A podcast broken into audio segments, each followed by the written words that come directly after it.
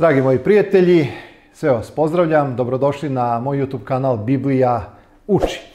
Pre nego što krenemo sa današnjom propovedi, samo još jednom da vas podsjetim da zahvaljujući Božoj milosti i blagodati koja dira vaša srca, YouTube kanal Biblija uči i dalje može da deli besplatno reč Božju. U svojim rukama imam prevod Karadžić Daničić i latinično i čirilično izdanje. I zaista se radujem što evo Uh, ovim putem mnogi ljudi već imaju u svojim domovima reč Boži. Dobio sam na stotine, stotine slika, uh, ljudi se zahvaljuju, uh, čak su mi neki poslali slike kako polako podlače. Sjećate se, ja sam u nekim mojim davnim emisijama rekao kako je lepo kada se povučeš u neku svoju samoću, kada sedneš, upališ stonu lampu ili bilo koji vid osvjetljenja, otvoriš reč Božju, imaš neke bojice, i onda čitaš i podlačiš nešto, beležiš, imaš svesku gdje možeš beležiti neke svoje misli. Uz Bibliju je jako dobro čitati i druge naslove, određene knjige. Ja sam probrao zaista dobre knjige koje imate na kraju svake emisije. Te knjige su također besplatne zahvaljujući mnogim od vas koji podržavate rad ovog kanala. I evo, budite slobodni, naručite, poručite. Posebno dajem naglasak na knjigu proroka Danila koja daje komentar na Danila iz Starog Zaveta i knjigu Otkrivenja, znači komentar kao i mnoge druge knjige, ali ovo su zaista jako bitne knjige koje daju jedan zdrav, zbalansiran pristup razumevanju ove dve biblijske knjige, knjiga proroka Danila i knjiga Otkrivenja.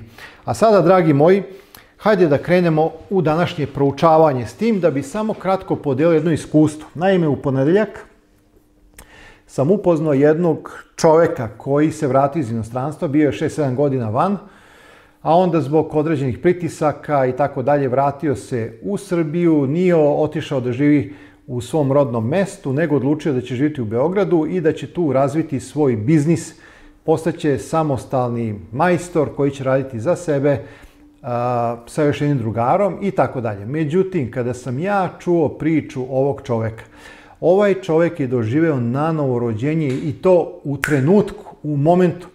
Ja sam se još jednom svjedočio, uverio i ohrabrio koliko je snažna sila duha Božjega kada čovjek zavapi, kada se onako pomoli iskreno i kaže Bože, ja verujem da ti postojiš, ali ja ovo ne mogu bez tebe. Inače, o čemu se radi? Ovaj moj drugar, mogu slobodno kažem drugar i brat u Hristu, Znači, bio je 15 godina heroinski zavisnik. Dnevno je pio 2 litre alkohola, znači vina, kako kaže, sigurno 5 do 7, 8 flaša piva i pušio je dve pakle cigara. Znači, droga, alkohol, cigare i to je trajalo godinama. Sad, sa druge strane, kad ja slušam koliko čovjek unosi otrobu sebe, kažem, gospode, kako si nas divno sazdao da organizam može podneti toliko otrova i raznih opijati i tako dalje. Međutim, u jednom trenutku on je gledao neke moje propovedi preko mog kanala, gledao je neke druge još ljude koji su propovedali preko YouTube kanala. A onda je poželeo taj unutrašnji vapaj čoveka koji pati, koji želi da se oslobodi, a ne može. On je uputio molitvu Bogu i rekao je, Bože, ako mi daš slobodu i ako me oslobodiš, ja ti obećavam da više nikada u životu neću uzeti to, to, to i to. I onako iscrpljen, on je zaspao. Kada se probudio sljedećeg jutra, totalna sloboda. Više nije ni pomišljao da će piti alkohol, nije više ni pomišljao da će uzeti drogu, nije više ni pomišljao da će da zapali cigaru. Totalno je doživeo slobodu. Ja imam sliku e, za svoju uspomenu, znači to ne delim javno, imam uspomenu tog čovjeka i kada god na aparatu pogledam njegovu sliku ili nas dvojicu kako smo se slikali dok smo pili čaj tu negdje u gradu, ovaj, ja se setim njegove priče i kažem da, naš Bog je silan, samo treba zavapiti, samo treba kazati gospode, evo me, dolazim ti, budi milosti meni grešnome. I neverovatno, ovaj čovjek je sada dobio negde 10-15 kila i kada je trebalo da pređe granicu nazad, jedva su ga pustili zato što je dobio apetit, počeo da jede, njegovo telo se regenerisalo. Jednostavno oni moraju daje tamo neke izjave i otisak prsta jer ona slika u ličnoj karti i slika danas kako izgleda je totalno drugačija. Zaista kad se malo zagledate vidite po obrvama da je to on, ali on je tada bio mršav zbog svih tih opijata, alkohola i svega ili načina na koji je živeo. Sada je skoro, da kažem, ajde 90% vegetarijanac, ima 2 do 3 obroka na dan, pije dosta tečnosti, uglavnom vodu i čajeve, trudi se da živi zdravo, trudi se da živi po svim principima deset Božih zapovesti i da se raduje u Hristu. Bio je kod mene, proveli smo vreme zajedno, dao sam mu nekoliko Biblija knjiga, dragi moji, ne mogu da vam opišem koliko je to za mene radost i eto, na neki način i dalje želim da se što više propojeda reč Božja, da reč Božja što više ljudi oslobodi od sotonske zamke i robstva grehu, dok je vremena milosti i dok Duh Sveti još uvijek na ovoj zemlji deluje na ljudske misli i srca. Vi znate na osnovu Biblije, doći će vreme kada neće više biti milosti Božje. Doći će vreme kada će ljudi tražiti i Boga i reč njegovu, ali je neće naći. Sećate se onog provočanstva, ja sam davno snimio tu neku moju emisiju. Ja vas samo podsjećam, dragi moji, ima toliko playlisti na mom kanalu. Mnogi postoje neka pitanja, ja sam već dao odgovore kroz mnoge emisije. Otiđite u, playlistu posljednje vremena, nađite playlistu o molitvi, nađite playlistu o etici, nađite playlistu o muzici, nađite playlistu o otkrivenju, Rimljanima poslanicu. Znači ima toliko toga i ja želim da zaista ovaj kanal eksplodira sa takvim sadržajem koji će biti na spasenje, na blagoslov svih ljudi koji sada žive. Mi obično pričamo o eshatologiji u Hristom drugom dolasku i to je tačno, Isus će doći. Ali dok ne dođe, nama treba jedan pobedonosan, kvalitetan život sada i ovdje i ovog trenutka. A to nam daje reč Božja, to nam daje to što sledimo Isusa Hrista, mi već sada uživamo blagoslove na ovoj zemlji. Tu ćemo naći utehu za bol, utehu za razočarenje, utehu za obeshrabrenje, tu ćemo naći veru, nadu, ljubav, sve što nam je potrebno da bismo se uzdigli iznad svih ovih pritisaka i ludila kojim đavo želi da porobi ceo svet, ali vidite da će Bog uskoro podići, podiće se sa svog prestola i doći će da izboji svoj narod. Mi samo treba da izdržimo do kraja. A sada, dragi moji, u nekih 15 minuta uživajte u ovim mislima koje sam pripremio za vas. Vreme zla i vreme dobra. Znamo koji je izvor zla, znamo koji je izvor dobra. Suština u ovoj današnjoj poruci jeste gdje se ti ili ja nalazimo u odnosu na ove dve realnosti. Da li smo na strani zla ili smo na strani dobra. Vidite, svi sukobi u svetu ma u kom obimu i u kojoj formi se dešavali rat između vojnih saveza, rat u kojem učestvuje više zemalja, rat između država, sukobi unutar jedne ustanove, sukobi u porodici, sukobi unutar jednog preduzeća, sukobi između dvoje ljudi, pa i obračun unutar jednog čoveka, znate, to je onaj naš unutrašnji rat, sukob sam sa sobom, sve to svodi se samo na jedno, na borbu dobra i zla. Ova borba dobra i zla ima svoj početak. Nekada je u večnosti bilo samo dobro, to je bila Božja vladavina bez zla, bez greha, bez palih anđela i tako dalje. Ali zlo ima svoj početak, ohrabrujuće je, dragi moji, što zlo ima i svoj kraj. Ne u smislu da će samo od sebe proći, nego će ga Bog uništiti. Bog će delovati kao što je došao prvi put u svoj poniznosti da pobedi zlo i da bude razapet da bi nas spasao tako što je umro mjesto nas, tako isto će Bog doći po drugi put i doneće večni mir i večnu slavu. Sve je, dragi moji, smeštano, sve se nalazi, sve se kreće između ta dva pola i svako od nas je slobodan da odluči da li će se okrenuti na jednu ili na drugu stranu. A svako se mora naći ili na strani dobra ili na strani zla ne može se ostati neutralan. Ili služimo ili služiti dvojici gospodara. Vi znate da je to nemoguće. U Mateju 6.24 Isus kaže ne možete služiti Bogu i mamoni. Vidite, Bog je dobro. Dobro je sve što od njega potiče, što je od Boga stvoreno. Zato se na samom početku Biblije kaže kada Bog nešto stvori i bi dobro veoma. Je tako? Dobro su istinske vrednosti na kojima svet počiva, dobro koje je od Boga održava ovaj svet. Drugim rečima, ova milost Božja održava ovaj svet. Kada ne bi bilo Božje zaštite i milosti, kada Duh Sveti ne bi bio prisutan na ovoj zemlji, Sotona bi sve živo uništio, ne bi ostalo ništa živo. Ali hvala Bogu za njegovu zaštitu, za njegovu milost. A, vi znate da da je đavo zlo, on je izvor zla. Negacijom dobra nastaje zlo. Kako je zlo nastalo u svemiru?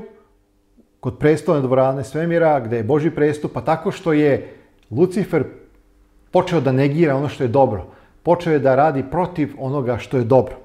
Zlo nije po volji Božjoj, nije bilo u planu stvaranja sveta, Zlo se rađa iz otpadništva od dobra, a iskazuje se u napadu na dobro. Ono i vidljivo i nevidljivo skrnavi, ruši, uništava i fizičkim poništavanjem ili izobličavanjem postojećega ili moralnom razgradnjom duhovnih vrednosti na kojima svet počiva. Drugim rečima, zlo, pošto je negacija dobra, udara na sve temelje onoga što je dobro, što je moralno, što je plemenito, što je pošteno i tako dalje i tako dalje. Svi smo mi to već osjetili u našem ličnom životu, na svojoj koži, vidimo šta se dešava u društvu, ali evo, samo malo nekako da tu obličimo. Vidite, đavo je zlo po svojoj suštini.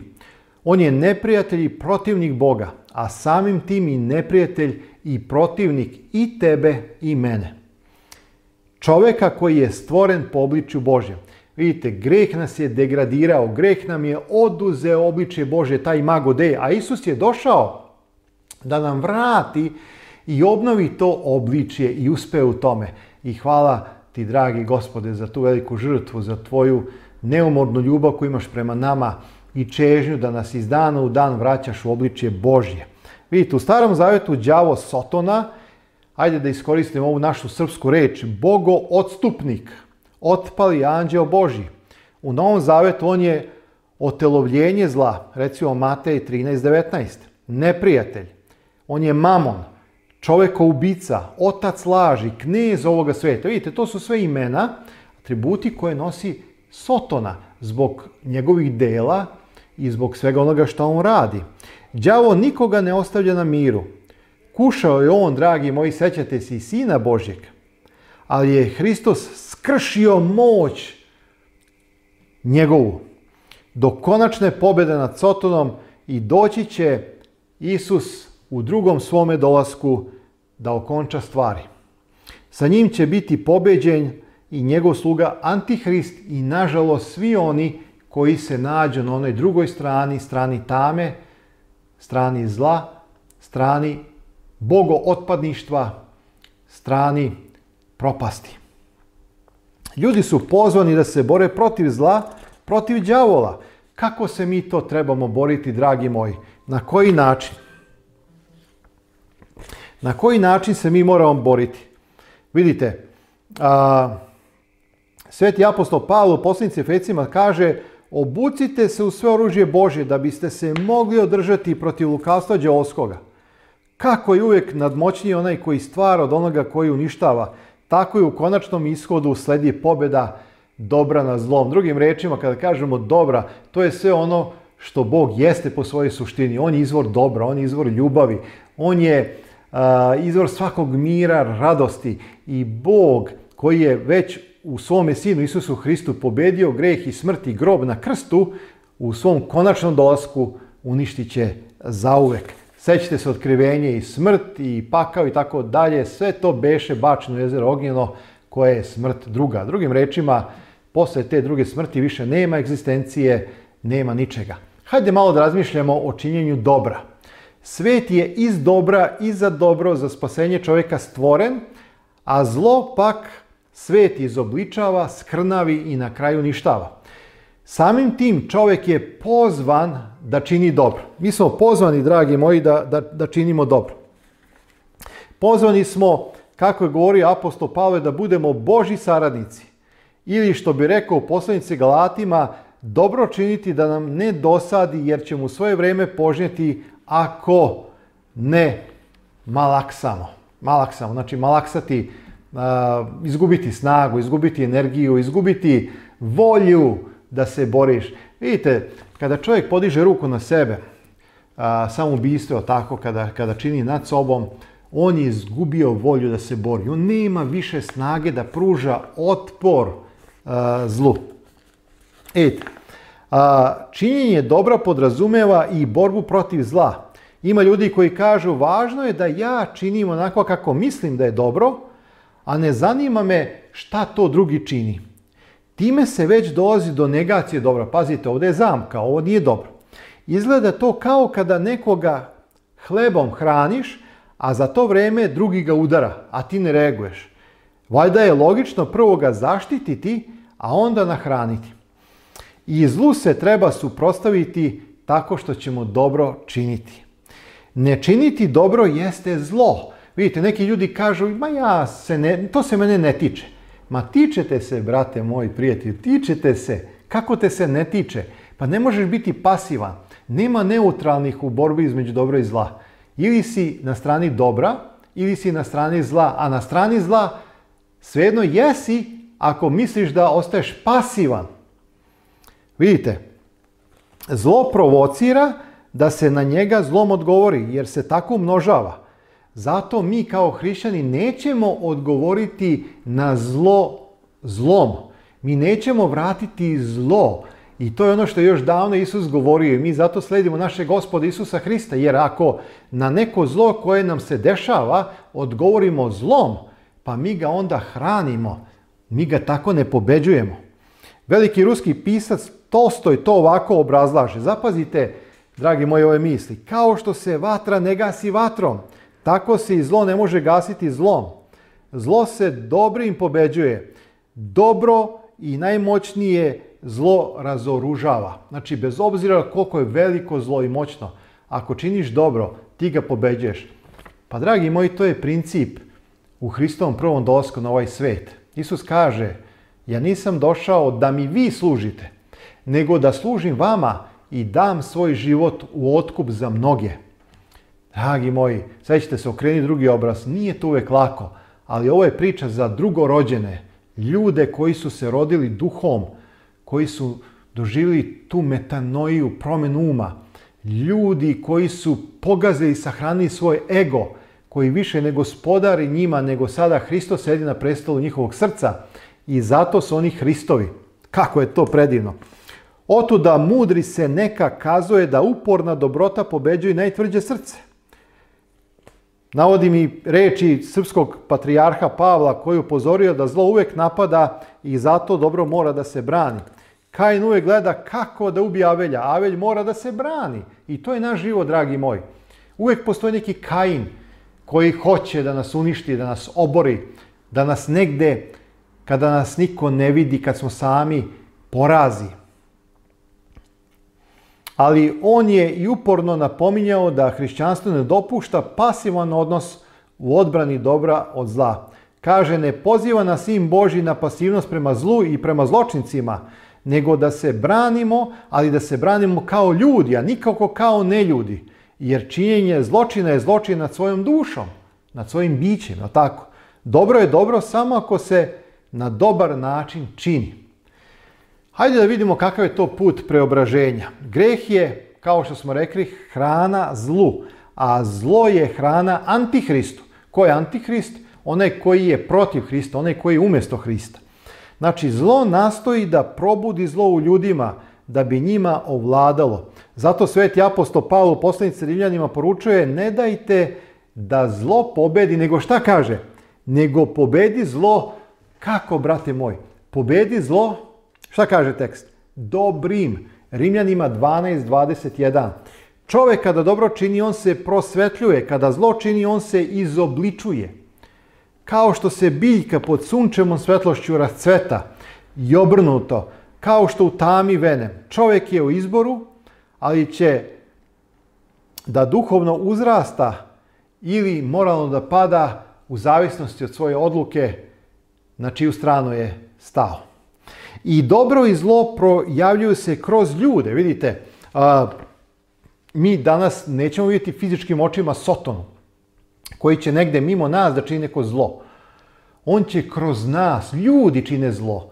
Ljudi čine jedni drugima sujetu i zavist i zlobu. Ljudi rečima jedne druge sahranjuju pogane i uništavaju. Ljudi su ti koji u savezu sa zlom dozvoljavaju da se zlo kanališe, i da Sotona kroz ljude radi. Vidite, zato je naš veliki savremenik Pavle, e, koji je zaista ostavio traga u našem narodu, često citirao reči mudrog srpskog filozofa Božidara Kneževića da je čovjek tako biće kojem se i Bog obraduje, ali od kojega se često i đavo zastidi. Znači, kada čovjek nekad uradi neko zlo, imam osjećaj kao da đavo kaže, vau, pa ti si i mene prevazišao. Nijedan put nije bez povratka. Nikada nije kasno da se od zla krene ka dobru. Nema čovjeka, dragi moji, bez greha. I greh može da bude na korist ukoliko čovjek njime ovlada, a on ne čovjekom. Da opomene na ljudsku slabost, da bi se ispravio put. Znači, greh nas opominje da smo slabi i da nemamo nikakve šanse protiv njega ako ne zavapimo prema Bogu i od njega tražimo pomoć. Sećate se iskustva ovog čovjeka kojeg sam spomenuo na početku. Nema šanse da se čovjek sam izvadi iz takvog jednog gliba, pazite, 15 godina heroin, kokain i plus alkohol, cigare i tako dalje i taj noćni život i kocka. Ali jednostavno kada čovjek zavapi, kada shvati zbog tog greha da je nemoćan, na neki način mu greh pomogne i kaže vidi kako si slab, ali čovjek zavapi on dobija silu sa visine i menja se. Kako je to predivno. Ako se pogledaju druge knjige, vidjet ćete da su svi bili podložni grehu, jer su svi ljudi pali pod utjecaj greha zbog Adamovog pada. Hajde malo da razmišljamo o dobrim namerama. Čovjek dobro čini samo ako iz dobrih namjera čini, ako čini i radi zbog neke druge stvari, i on od toga ima korist i onda nije to dobročinstvo, to je trgovina. Kada čovjek daje da, mu se, da bi mu se vratilo, nema radosti davanja. On onda ima računicu, znate, ima notiz i kaže aha, toliko dajem, toliko očekujem, ja sam u dobitku. A, super, radit ću to i sljedeći put. Ali ima i lepšeg e, stava, lepšeg osjećanja zadovoljstva nego kada vam neko iz duše, iz istinske blagodarnosti uzvrati sa riječju obloženom ljubavlju koja kaže hvala ti, hvala ti. Znate, prolazite pored prosijaka. Šta vi možete od jednog prosijaka beskućnika očekivati kad mu date novac da se nahrani ili mu vi kupite hleba, jogurta, šta god da, voće neko banane, šta god da jede. Ja sam u svojim iskustvima imao te momente. I on te pogleda onako onim umornim očima, izmorenim, izmučenim licem, koje je prema tebi i onako jedva otvarajući usta kaže prijatelju, hvala ti, hvala ti za ovu hranu. Kako ti imaš korist? Pa imaš nikakvu korist. Ništa ti ne možeš da očekuješ od njega. Šta možeš da očekuješ od nekoga ko nema ni novac, ni kuću, ni bilo šta gde bi, čime bi mogu da ti plati. Ali ti se osjećaš fantastično, dragi moj, jer si pomogao čovjeku u potrebi. Dobro je zasnovano na ljubavi. Pa kako deluje ljubav? Ljubav se umnožava kroz delovanje. Tako i činjenje dobrih dela vodi umnožavanju dobra u ovome svetu koji sav leži u zlu. Evo recimo prva Jovanova 5.19 kaže apostol Jovan ceo svet leži u zlu. Ovaj svet je zao i zato Biblija kaže ovaj svet mora proći i vidjet ću videh kaže novo nebo i novu zemlju gdje pravda živi. Dobro, pošto nastaje iz stvaralačke energije, uvek neko novo dobro donosi. Jednostavno rečeno, ni jedno dobro ne ostaje bez dobrih plodova. Zlo nema takvu moć širenja iz prirode svog bića, jer ono ne nastaje iz stvaralačke moći, dragi moji, već iz rušilačkog poriva. Tu nema ničeg dobrog. No ono ima nezasitu težnju širenja. Zlo je kao virus. Ono neprimetno napada, širi se i osvaja. Teži da zavlada svetom, što bi se na neki način i što se vidi kroz vladavinu velikih sila, moćnika koji smatraju da su bogovi na zemlji, koji kao da očekuju da im se ljudi klanjaju. Oni žele da porobe ceo svet, da imaju ceo svet u svojoj ruci, a to im nije Bogom dano. To je đavolski um, dragi moji. To nije Božja volja. Koliko će se zlo širiti zavisi od toga koliko ćemo ljudi dopustiti. Zlu mesta nema tamo gdje ima dobra. Dragi moji prijatelji, zato reč Božja govori da je zlo pobeđeni neprijatelj. Mi živimo u vreme zla, ali živimo i u vreme dobra. Izvor tog dobra je naš gospod Isus Hristos. A opisano je dobro u svetoj Božoj reči. Čitajte Bibliju da biste stekli biblijski um i da biste iz dana u dan činili dobro i tako bili na strani naše gospoda Isusa Hrista, koji je, za koga se kaže dok je živio na našoj zemlji, a on kaže prolazeći čineći dobro, čineći dobro. Jednog greha nije učinio. Hajde da idemo za našim gospodom, da i mi činimo dobro jer sledimo našeg spasitelja Isusa Hrista. Neka se Boža ljubav širi kroz naše živote, neka se svet zasvetli od onih koji su primili Hrista i koji nose bahlju kroz noć, reč Božju koja je videlo ovome svetu. Dragi moj prijatelju, dragi moj brati i sestro, neka te Gospod blagoslovi i neka te čuva u ovim zlim vremenima. Amin.